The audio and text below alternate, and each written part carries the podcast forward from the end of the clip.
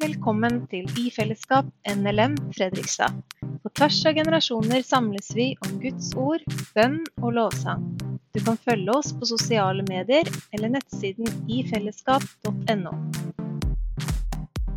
I dag er det jo kapittel tre som er eh, tema. Kapittel tre i første Petters brev. Og vi har valgt å fokusere på de sju første versa i det kapittelet. Som handler om menn og kvinners rolle i ekteskapet. Og når jeg sier det, så kan det hende at det er noen av dere som kjenner at pulsen stiger litt. Kanskje dere føler dere sitter litt sånn ubehagelig på stolen. Um, enten fordi dere sjøl kanskje har vonde og vanskelige erfaringer med det temaet. Dere vet hvor sårbart det er. Eller fordi dere vet at uh, Bibelen og flertallet i dagens samfunn ikke nødvendigvis tenker helt likt eh, om det temaet. For å si det forsiktig.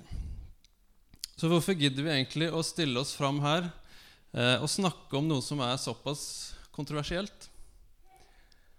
Eh, det er i hvert fall to grunner som jeg kan komme på. For det første så tror jeg ikke at eh, Lørdagsrådet i P3 eller samlivsspaltene i eh, ukebladene våre nødvendigvis har funnet den eneste veien til et godt samliv. Jeg tenker at skilsmissestatistikken, alle samlivsbrudda som vi ser Selv om vi lever i verdens rikeste land og kanskje er blant de mest opplyste folka som fins, så strever vi også med det å finne eh, sammen i gode parforhold. Og jeg og vi tror faktisk at den beste oppskriften for et godt samliv finnes i Bibelen. Vi hadde ikke stått her hvis ikke vi hadde vært overbevist om at eh, alle Guds bud er gode, Eh, og at den viljen som kommer fram i Bibelen, Guds vilje for oss, faktisk er det beste for oss. Også de gangene der det er utfordrende, eh, og de gangene hvor det kanskje går litt på tvers av kulturen vi lever i. Og for det andre så handler ikke dette her bare om ekteskapet mellom mann og kvinne. Det handler om noe mer. Det handler om skapelsen hva vi er skapt til, og ikke minst så handler det om evangeliet. Det største med Bibelens framstilling av ekteskapet mellom mann og kvinne, det er at det peker fram mot et større ekteskap. Nemlig det som er mellom Jesus og alle de som tror på han. Det vi skal gjøre i dag, det er ikke å drive ekteskapsrådgivning. Um, men vi skal løfte fram noen grunnleggende prinsipper for ekteskapet som vi mener at vi ser i Bibelen. Og Da skal vi bruke den teksten som vi akkurat leste, fra 1. Peters brev. Men så skal vi også bruke en tekst fra Efeserbrevet, Paulus sitt brev til efeserne. Eh, og vi skal bruke en tekst fra kapittel 5, vers 21 33. Og ut ifra de to tekstene så skal vi si først litt innledningsvis om bakgrunnen som eh, er, og konteksten som dette står i. Og så skal vi prøve å si litt om hva som sies til menn og kvinner. Og så skal vi prøve å oppsummere litt til slutt. Så la oss begynne med å lese den teksten som er fra Efeserbrevet. Vi skal be litt først, og så leser vi teksten. Kjære gode far, jeg takker deg for at vi kan få åpne ditt ord sammen, lese ditt ord sammen. Jeg ber om at du må møte oss der vi er nå, med de spørsmåla vi har til teksten, og de følelsene vi har for det. Takk for at du har noe du vil si oss. Jeg ber om at du må vise deg for oss i dag. Og så takker jeg deg for frelsen vi har i Jesus. At vi skal få bygge livet vårt på det, og at vi skal få hvile i å vite at det er det beste utgangspunktet for livet. I Jesu navn. Amen. Da går vi til Efeserne 5, fra vers 21. Vær hverandre underordnet i ærefrykt for Kristus. Dere kvinner, underordne dere ektemennene deres som under Herren selv. For mannen er kvinnens hode, slik Kristus er kirkens hode. Han er frelser for sin kropp. Som kirken underordner seg Kristus, skal kvinnene underordne seg sine menn i alt. Dere menn, elsk konene deres slik Kristus elsket kirken og ga seg selv for den, for å gjøre den hellig og rense den med badet i vann i kraft av et ord.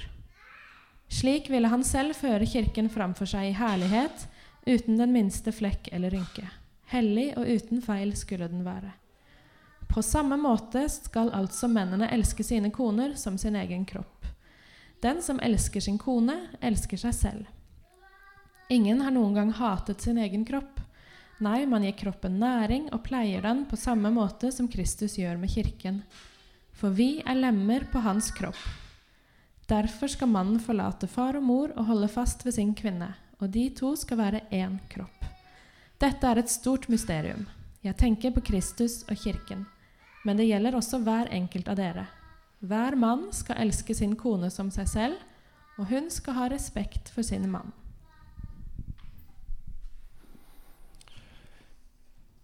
Som sagt så kan eh, en tekst som dette her framstå litt provoserende for oss, kanskje. Og så er det en del av oss som tenker at eh, det er fristende å bare avfeie dette her som gammeldags, avleggs måte å tenke på. Og som kristne så tror jeg det er viktig at vi erkjenner at sånne tekster eh, har blitt brukt for å rettferdiggjøre kvinneundertrykkelse eller et nedverdigende kvinnesyn. Og det er helt tragisk, og det er veldig, veldig beklagelig.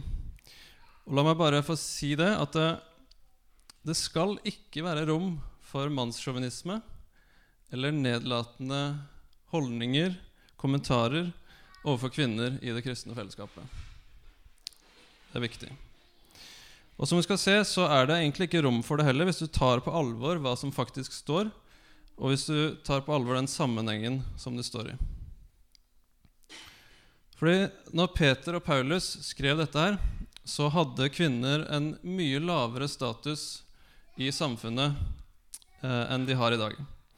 Kvinner var i beste fall annenrangs, eh, ifølge kiresk og romersk eh, kultur. Og blant jødene så var ikke nødvendigvis holdningen så veldig eh, mye bedre. Det fins bl.a. en fast jødisk morgenbønn som gikk sånn som dette her. Takk Gud for at jeg ikke er født som slave, hedning eller kvinne. Og ut ifra dette her så kommer Det nye testamentet egentlig med et ganske radikalt nytt syn på kvinner. Vi ser bl.a. at eh, Jesus inkluderer kvinner i sin nærmeste omkrets. Og Det er to kvinner som er de første vitnene til oppstandelsen, historiens viktigste begivenhet. Eh, Paulus har flere kvinnelige medarbeidere som han løfter fram som forbilder flere steder. Eh, for hele kirka.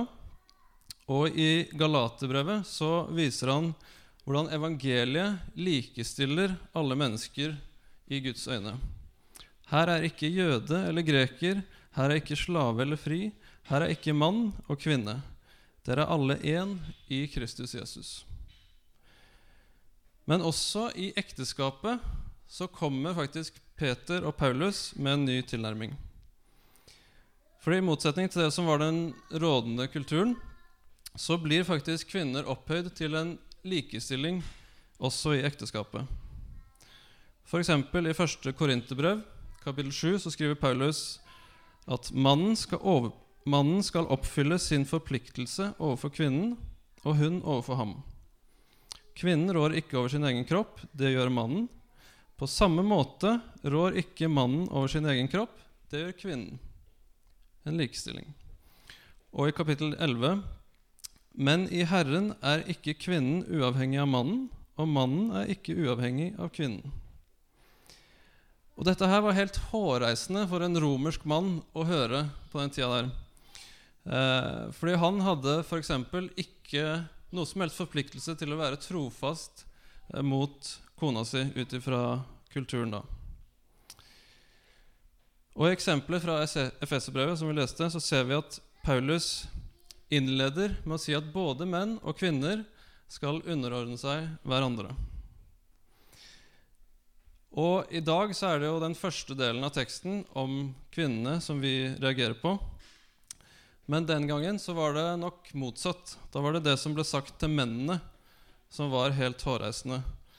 At mannen skulle få streng beskjed om å elske kona. Og behandle kona si med ære og respekt. Det var helt nye tanker, faktisk.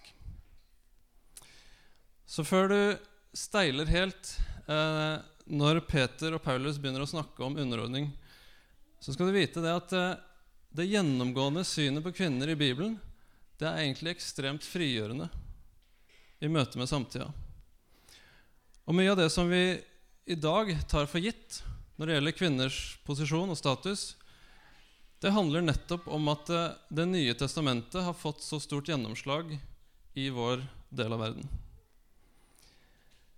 Og Derfor så driver bl.a. NLM med Kall det gjerne kvinnefrigjøring i andre deler av verden. Og Samtidig så er det en annen grunn til at vi reagerer når vi hører sånne tekster. Og den er også helt i tråd med det som Bibelen sier. Fordi i første Mosebok, helt i begynnelsen, kapittel 3, 16, så står det nemlig om konsekvensene av syndefallet. Altså hva var det som skjedde? Hva ble konsekvensene av det opprøret som Eva og Adam hadde der? Og Der finner vi hovedforklaringen på hvorfor det er så vanskelig å leve sammen i gode ekteskap. Til kvinnen sa han, tungt vil jeg gjøre ditt strev når du er med barn. Med smerte skal du føde. Det med barnefødsel er jo for så vidt et kapittel for seg. Men så kommer det. Du skal begjære din mann, eller du skal begjære mot din mann, og han skal herske over deg. Det var på en måte konsekvensen av syndefallet. Og Det betyr at det foregår en maktkamp mellom kjønnene som stammer helt tilbake til syndefallet i Edens hage. Og Denne maktkampen den preger hvordan vi ser på sånne tekster, hvordan vi møter sånne tekster, som vi har fokus på i dag. For kvinner så er det naturlig å bli provosert og på en måte avvise det som står. For oss menn så er det naturlig å misbruke teksten til å kanskje rettferdiggjøre eh, maktmisbruk. Men det fins en bedre måte å se det på. Fordi selv om menn og kvinner er likestilte, likeverdige i ekteskapet, så forteller Peter og Paulus oss om noen ulike roller eh, og ulike kall. Nå skal vi se litt nærmere på disse. Da skal Maria få begynne med kvinnene.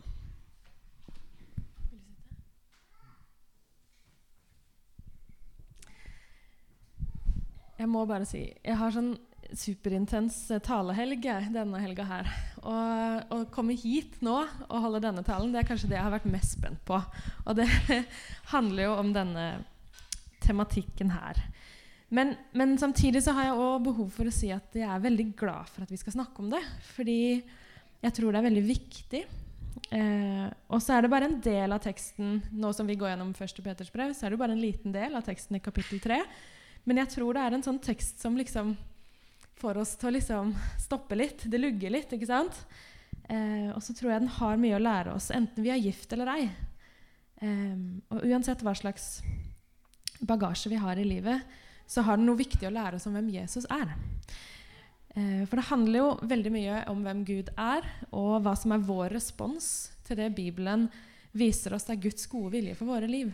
Det er det det handler om, litt sånn overordna her.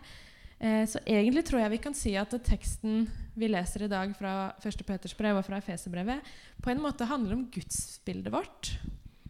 Eh, og minner oss på både nummer én det fins idealer for hvordan vi skal leve livet vårt som vi aldri kommer til å nå opp til. Og to, det fins idealer som både provoserer og utfordrer oss. Det tror jeg vi kan skrive under på når vi leser dagens tekst. Og som dame så har teksten fra Efeserne 5 da, spesielt vært en sånn en som har lugga skikkelig hos meg. En sånn en som gjør at jeg har lyst til å bare slenge Bibelen fra meg. Eh, og etter hvert så ble jeg bevisst på at grunnen til at jeg syntes det var så frustrerende og provoserende, det handler jo om kulturen som jeg lever i. Eh, og spesielt det ordet 'underordning' har gitt noen sånne umiddelbare assosiasjoner hos meg som eh, er definitivt negative. Og at det å underordne seg betyr å underkaste seg en dominerende, herskende, maktsyk mann. Um, og Det er i hvert fall det jeg umiddelbart tenkte når jeg leste teksten før. Og jeg tror og vet at mange tenker det når de, når de leser den sjøl. I tillegg så utfordrer det den tanken som sitter i ryggmargen min, da, fordi jeg er så forma av kulturen jeg har vokst opp i, at menn og kvinner er like. Det er det vi lærer av samfunnet rundt oss. At vi skal være like. Alt skal være likt. Og da kan jo på ingen måte noen underordne seg noen i noen som helst slags sammenheng. Um, og heller så er det snakk om det å være sterk for seg sjøl og stå opp for seg sjøl, hevde sine egne rettigheter, ta sin plass, eh, sørge for å sjøl bli suksessfull og ha et godt og lykkelig liv. De tinga der blir vi mata med av kulturen vår rundt oss hele tida. Og da er kontrasten stor, både til det livet Jesus faktisk levde, og til det livet som så tydelig blir løfta fram som et ideal i Bibelen for oss kristne. Så både i kapittel 2 i 1. Peters brev og i versa tidligere i Efeserbrevet så ser vi at Jesu liv, hans lidelse, hans selvoppofrelse, hans villighet til å strekke seg så uendelig langt for oss, helt inn i døden, det er forbildet vårt. Ikke egoisme eller selvhevdelse eller et lykkelig polert liv uten motstand. Det er ikke det vi skal strekke oss etter og ligne på men det er Jesus. Sånn Kristus underordna seg Gud og Guds frelsesplan, sånn er også alle vi kristne, uansett sivilstatus, kalt til å underordne oss Guds gode vilje for våre liv. Så det er noe sånn grunnleggende kristent, en hjertesak, å innse at vi har en Gud og vi har en Herre i vårt liv som vet bedre enn oss, og som vi alle, både kvinner og menn, er kalt til å lytte til og leve etter. Og han elsker oss, og han, vil, han kan vi ha tillit til at har en god, god vilje for oss. Også når vi ikke ser det sjøl. Også når teksten kan provosere. Så Derfor så tenker jeg at ord underordning kan provosere. Eh, og da må vi bli klar over det. Og så må vi liksom puste inn, slippe skuldrene ned, og våge å tenke Går det an å forstå dette på en annen måte enn det jeg liksom umiddelbart tenker? Eller fins det en måte å forstå det på som gjør at dette gir mening? Så det har vært min og vår tilnærming til dette. Eh, og da er det jo for det første veldig viktig å legge merke til at teksten i Efeserne 5 starter med at vi skal underordne oss hverandre i ekteskapet. Mannen og kvinnen skal underordne seg hverandre.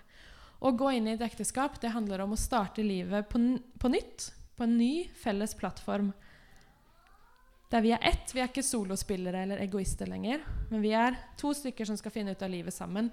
Og det som binder oss sammen og forplikter oss på hverandre, det er kjærlighet. Og da står det at vi damer er kalt til å underordne oss våre menn i ekteskapet. Slik, altså på samme måte, som Kristus gjorde alt det som vi leste om i slutten på kapittel 2 i 1. Peters brev, der det beskrives hvordan han led på korset for vår skyld. Forbildet vårt er Jesus. Vi skal underordne oss sånn Jesus underordna seg. Å underordne det blir jo da forstått som å sette den andre høyere enn seg sjøl i kjærlighet. Ha respekt for mannen sin og la han få lede. Og så nevnte jeg at underordning har gitt negative assosiasjoner eh, hos meg. Og det er også et vers som har blitt misbrukt av menn for å hevde seg. Eller for å forsvare at kvinner skal tåle all slags vonde ting i et ekteskap. Og det er ikke det verset handler om. Det er ikke det som blir legitimert i disse versene her. Og som Sven Arne også sa, så har syndefallet ødelagt det her grunnleggende gode, perfekte mellom oss. Eh, mellom alle mennesker, men også mellom mann og kvinne. Vi står i en slags kamp pga. syndefallet. Og da er det ikke så merkelig at det fins maktsyke og urimelige og til og med voldelige menn. Og det er ikke så merkelig at det fins kvinner som har som sin kampsak å kjempe for å ta over makta i verden. Og styre verden, som er liksom slagordet til feminister som trekker ting litt langt i mine øyne. da. Og da har jeg innsett at veldig mye av min motstand til dette her konseptet i Bibelen det handler om hva slags oppfatning jeg hadde av gutter og menn. Eh, og, og, første gang jeg leste disse tekstene, så, så var jeg tenåring. Eh, og, og, det var helt hårreisende å se for seg at jeg skulle underordne meg en av de her tenåringsgutta jeg kjente. Sant, som ikke, Jeg gikk på internatskole, og de klarte ikke engang å vaske sengetøyet sitt. Skjønner dere hva jeg mener? Det var liksom, det var min virkelighet. da, At jeg hører, jeg leser en tekst og ser at disse guttene skal få lov å bestemme over meg. Um, og så opplevde jeg at de kunne ikke engang ta ansvar for sitt eget liv. da. Jeg setter det på spissen, jeg vet det. Men jeg tror dere skjønner poenget mitt. Og så handler det jo ikke bare i anførselstegn om at kvinner skal underordne seg, men teksten fortsetter jo fortsatt med, fortsatt med ekstremt høye krav til mannfolka. Uh, og derfor så blei det jo også noe annet når jeg faktisk skulle gifte meg med en god mann. Um, og det om hvordan en mann er etter Guds hjerte, det skal Svein Arne få si noe mer om etterpå. Men en ting som er viktig for meg å si, det er det at det, det står ikke i disse tekstene om underordning at alle damer skal underordne seg alle menn. Og det tror jeg også er ekstremt viktig å få fram.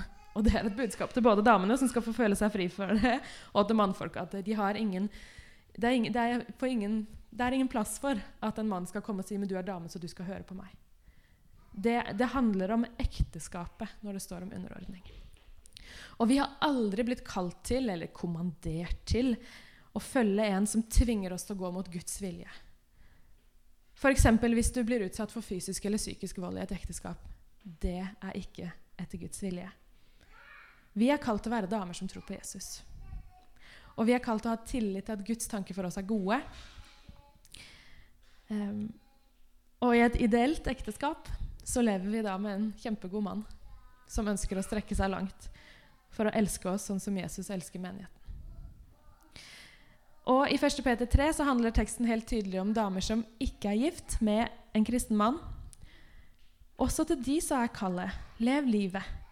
Så lev ekteskapet ditt på en måte som ærer Gud. Lev i renhet, lev i gudsfrykt, og vis mannen din godhet. Gjennom at det du, livet du lever sammen med Gud, er et godt liv.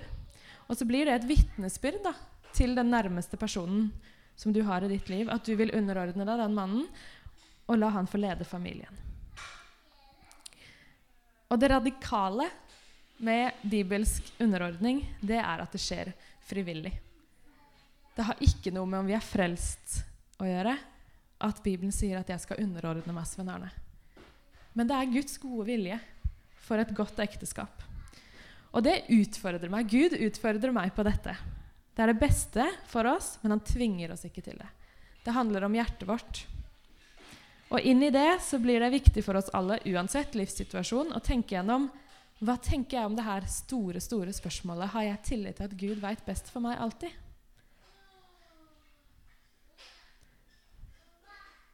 Og Det er derfor jeg mener at disse tekstene handler om noe mer enn helt konkret ekteskap også.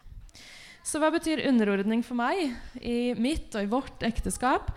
Eh, for meg så minner det meg oftest på at jeg er en eh, synder som trenger både Jesu nåde og Sven Arne sin nåde. Det er jeg avhengig av. Det er ingen som veit bedre hvor mye jeg feiler, hvor egoistisk og urimelig jeg kan være, hvor selvsentrert og hvor kravstor jeg kan være. Det er ingen som veit det bedre enn han der og han der. Og jeg tror at vi damer vi, Mange av oss kan fort være litt sånn styrete. Vi kan ta litt mye plass, og vi kan ordne og mase og sladre og. Jeg veit ikke dere, dere har, vi, vi, hører liksom begrepet jentedrama, ikke sant? Og, sånn, og, og, det er jo noe som ligger naturlig for oss, da, dessverre. Og jeg veit bare at for meg så er det, det er på en måte godt å vite at det er ikke jeg som skal ha styringa i denne familien. Og jeg skal få være meg, og jeg skal få være full av initiativ, og jeg kan si og mene alt jeg vil. Det handler ikke om å være kua, men for meg så handler det om å ha full tillit til at min mann er verdt å lytte til. Han har autoritet i mitt liv. Jeg lytter til det han sier. Hans meninger betyr utrolig mye. Jeg respekterer Svein Arne. Og jeg har ikke lyst til å trosse hans vilje. Men jeg blir også lytta til. Selvfølgelig blir jeg det. Og jeg er dønn trygg på den kjærligheten han har til meg. Og Derfor så blir det ikke et problem for meg å snakke om underordning, fordi jeg er så velsigna heldig å leve i et ekteskap med en mann som elsker meg. Og som når jeg da peker tilbake til disse internatskolegutta, så var han en sånn en på en annen internatskole samtidig. Men han har vokst inn i rollen som en, en god mann før, før vi fant hverandre, da. og så er det ikke alle som har det sånn i et ekteskap. Og jeg veit at jeg er heldig. Og hvis ikke, hvis ikke Sven Arne hadde vært kristen, så veit jeg at ting hadde vært helt annerledes i et ekteskap. Men jeg tror det har en verdi å dele det som er vår historie likevel. Eh, og så veit jeg at jeg er heldig. Og så veit jeg at ingen av oss er perfekte, og vi er ikke syndfrie. Vi er to egoister under samme tak. Um, men vi har veldig lyst til å leve livet vårt sammen med Gud også. Og Derfor er det ikke en sånn tafatt eller urimelig mann, eh, og på hvert fall på ingen måte en voldelig eller herskesyk mann, som får lede meg og min familie. Eh, og da er det en velsignelse å se at Guds ord stemmer i praksis. Så jeg har lyst til, eh, og det er en evig oppmuntring til alle mannfolk jeg kjenner Spør Gud om hvordan du skal lede familien din. Eller den kommende familien. Og lytt til det Bibelen lærer, og gå inn i den oppgaven og vite at Gud utruster.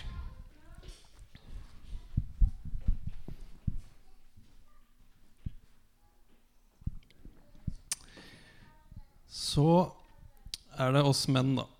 Hva er det Peter og Paulus sier er mannens oppgave? Hva er mannens kall i ekteskapet? Vi kan jo begynne med å slå fast hva de ikke sier. Det kan være greit å gjøre det først. De sier ikke at mannens oppgave er å sørge for at kvinnen underordner seg. Kallet til underordning er noe kvinnene får, og noe de må gjøre frivillig. Og ingen steder i Bibelen står det at uh, det er mannens oppgave å kue kona eller å sørge for at hun underordner seg. Og Det tror jeg er viktig å få med seg. Og kanskje tvert imot så ser vi i vers 7 av uh, eh, 1. Peter 3, som vi leste i stad, at uh, Peter kommer med en ganske streng advarsel til de mennene som ikke behandler kona si med respekt og omtanke. Nemlig at Gud ikke hører på menn som behandler kona si dårlig. Bønnene eh, når ikke gjennom. Og det er ganske alvorlig. Og så er det også verdt å merke seg at når Peter og Paulus skal gi menn et påbud i ekteskapet, så er det ikke først og fremst å lede. Det er ikke det det står. Påbudet er å elske. Mannens fremste oppgave i et ekteskap er å elske. Og det er ikke en hvilken som helst kjærlighet vi kalles til. Dere menn, elsk konene deres slik Kristus elsket kirken og ga seg selv for den. Så min viktigste oppgave som mann, det er å elske kona mi på samme måte som Jesus elsker kirken. Og hvis vi menn hadde skjønt hvor høyt og uoppnåelig det idealet er, så hadde vi kanskje bedt det motsatte av den jødiske morgenbønnen som jeg nevnte i stad. Kjære Gud, la meg heller bli født som en kvinne. Fordi dette her er et brutalt ideal. Og en britisk kvinnelig teolog sa det på denne måten her. Hvis menn hadde skjønt hva som lå i Efeserne 5, så, de, så ville de vært like begeistra for den teksten som en kalkun er for thanksgiving. Eller nyttårsaften, som vi kanskje spiser kalkun. Eh, å elske kona di slik Kristus elsket kirken, det er å hver dag ofre livet ditt for ho. Er vi klare for det, brødre? Men det er det vi kalles til. Og så høres det kanskje fristende ut uh, å være kvinnens hode, sånn som det sto her. Slik Kristus er kirkens hode. Men er du i så fall klar for å være hodet på samme måte som Jesus? Nemlig ved å frelse sin kropp. Ved å hver dag elske kona di og gi deg sjøl for henne. Fordi kallet til oss menn, det er å vise den samme oppofrende kjærligheten som han viste. Den samme omsorgen som han viste. Den samme ansvarligheten som han viste. Jesus han hadde all makt i himmelen og på jord. Men i stedet for å bruke den makta for å opphøye seg sjøl, så ofra han seg for andre. Og Det nærmeste han kom opphøyelse i løpet av livet sitt, det var å bli heist opp på et kors for å dø der. Det er brudgommen vår, idealet vårt. Tidligere, når jeg har lest denne teksten fra Efeserne 5, så har jeg tenkt at eh, vers 26 og 27 Det er egentlig bare Paulus som er så gira på evangeliet at han klarer ikke stoppe når han først kommer inn på det sporet. Eh, når han begynner å snakke om hva Jesus gjorde for oss. Og så har jeg tenkt at det, det har egentlig ikke noe særlig relevans for eh, oss menn og vår oppgave i ekteskapet. Men denne gangen så gikk det litt opp for meg at det har faktisk en relevans. Det er ikke bare et sidespor som Paulus turer inn på. Nei, det er noe med hensikten med det kallet som ektemennene får. Han skriver jo Dere menn, elsk konene deres slik Kristus elsket kirken og ga seg selv for den, for å gjøre den hellig og rense den med badet i vann, i kraft av et ord. Slik vil han selv føre kirken framfor seg i herlighet, uten den minste flekk eller rynke. Hellig og uten feil skulle den være. Jesus elska kirken og ga seg selv for å gjøre den hellig og uten feil. Med andre ord, han elska kirka og ofra seg for den for å gjøre henne til en fullkommen versjon av seg sjøl. Og det samme er vi menn faktisk kalt til å elske konene våre på en måte som gir henne mulighet til å bli en best mulig versjon av seg sjøl. Og i det lyset så blir underordning noe helt annet enn det vi kanskje tenker. For da handler det jo på ingen måte om at kvinner skal legge bort sin egen personlighet, at de skal legge bort gavene sine eller egenskaper. Men tvert imot så handler det da om å gå inn i en relasjon der hensikten nettopp er å bli en best mulig versjon av seg sjøl. Og her så føler jeg at det kan være viktig å understreke at eh, det å følge Bibelen, det er ikke det samme som å gå inn i tradisjonelle kjønnsroller. Selv om mange kanskje har tenkt det. Og med tradisjonelle kjønnsroller så mener jeg den tanken om at det, det er mannen som skal sørge for familiens inntekt, kvinnen skal være på kjøkkenet og sørge for mat, og at det er i orden hjemme og sånn. Bibelen gir til en viss grad rom for tradisjonelle kjønnsroller. Men det er viktig å si at den også gir rom for helt andre måter å organisere familien på. Så underordning det handler ikke om hvem som jobber, eller hvem som lager maten, eller hvem som har orden på økonomien. Eh, der gir Bibelen oss rom for å løse de tinga på ulike måter. Alt ut ifra hvilke egenskaper man har, hvilke preferanser man har, eh, osv. Underordning tror jeg er et grunnleggende prinsipp som kan gjelde like mye i et ekteskap mellom en mann som er hjemmeværende, og en kvinne som er f.eks. konsernsjef i et stort selskap. Det er ikke det det handler om. Men tilbake til mannens hovedoppgave. Å elske kona slik som Jesus elsket kirken og ga seg selv for den. Det er som sagt et uoppnåelig ideal, egentlig, for enhver mann. Og det hadde knust meg og alle andre menn hadde det ikke vært for at eh, Jesus nettopp ga seg sjøl, også for deg og meg. Ikke bare for konene våre, men også for oss menn. Vi som igjen og igjen setter oss sjøl foran kona.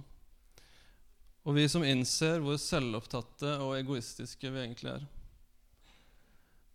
Jesus kommer ikke til deg som ditt uoppnåelige ideal. Han kommer til deg som din frelser. Som din trofaste ektemann gjennom alt. Og som elsker deg like høyt også de dagene du vet at du svikter som ektemann. Og Det viktigste som står i dette avsnittet fra Efeserne 5, det handler ikke om deg som mann, men det handler om Jesus som vår perfekte brudgom. Fordi uansett om du er en god eller dårlig mann, uansett om du er gift i det hele tatt eller ikke, så er vi hans, og han er vår. Og han elsker oss like høyt de dagene vi svikter. Og når det får synke ned i meg, så kan jeg finne en egen kraft i disse versene til å strekke meg enda lenger. Og det har jeg merka i mitt ekteskap. Da skal jeg oppsummere helt kort til slutt. Um, underordning og kjærlighet er to sider av samme sak. Å underordne seg er å sette den andre høyere enn seg sjøl i kjærlighet. Å elske er å underordne seg den andre og sette den andre høyere enn seg sjøl. Så underordning og kjærlighet er to sider av samme sak. Og gjennom det så blir vi gjort i stand til å bli det Gud har skapt oss til. Og det Gud har skapt oss til å være, er en god mann som elsker fram det beste i kona si. Ei god kone som gir mannen mulighet til å ta ansvaret han har fått fra Gud. Så ekteskapet er noe Gud har skapt for at menn og kvinner skal få blomstre i det. I et godt ekteskap der får du en trygg base. Du får et sted du kan heies fram, du får et sted du kan bli spilt god. Og vi to vi er garantert bedre medmennesker for andre pga. hverandre. Um, og så tror jeg ikke engang at vi to er perfekte. Men, men jeg er i hvert fall et veldig mye bedre menneske fordi han kan korrigere meg. Og han kan lære meg masse om Gud og hjelpe meg til å leve nær Gud og leve ærlig med familien. Og så har jeg til slutt helt konkret bare lyst til å spørre hva med deg som er ugift? Jeg håper at du har sett at det også handler om deg og ditt liv. Og det er utfordrende for oss alle å spørre oss har jeg tillit til at Guds vilje er god. Alltid. Og det har jeg lyst til å sende med oss alle hjem i dag. At vi skal få be om at Gud må vise oss hva som er hans gode tanker for våre liv. Jeg tror at Guds vilje er grunnleggende god for oss. Og så har jeg lyst til å oppfordre oss alle til å be for våre gifte venner og medkristne, fordi vi trenger det, alle sammen. Og så har jeg lyst til å si til oss alle at vi skal få hvile i vissheten om at Jesus er vår brudgom. Og det kan høres rart ut, spesielt hvis du er mann, tror jeg. Men, men det er bildet Bibelen beskriver for oss. Jesus er vår brudgom. Og det er det viktigste ekteskapet av alle. Og det ekteskapet vi ser mellom, mellom oss mennesker her, det er bare et ufullkomment bilde på det fellesskapet vi egentlig er satt inn i med Jesus. Den perfekte relasjonen som vi får ha med Jesus, og den er vår når vi tror på ham. Amen. Takk for at du har hørt på podkast fra I fellesskap. Vi håper det blir til velsignelse for deg. Vårt mål er å finne de som søker, og bevare de som tror. Sammen vil vi dele livet, tjene hverandre og vokse som Jesu etterfølgere. Velkommen tilbake.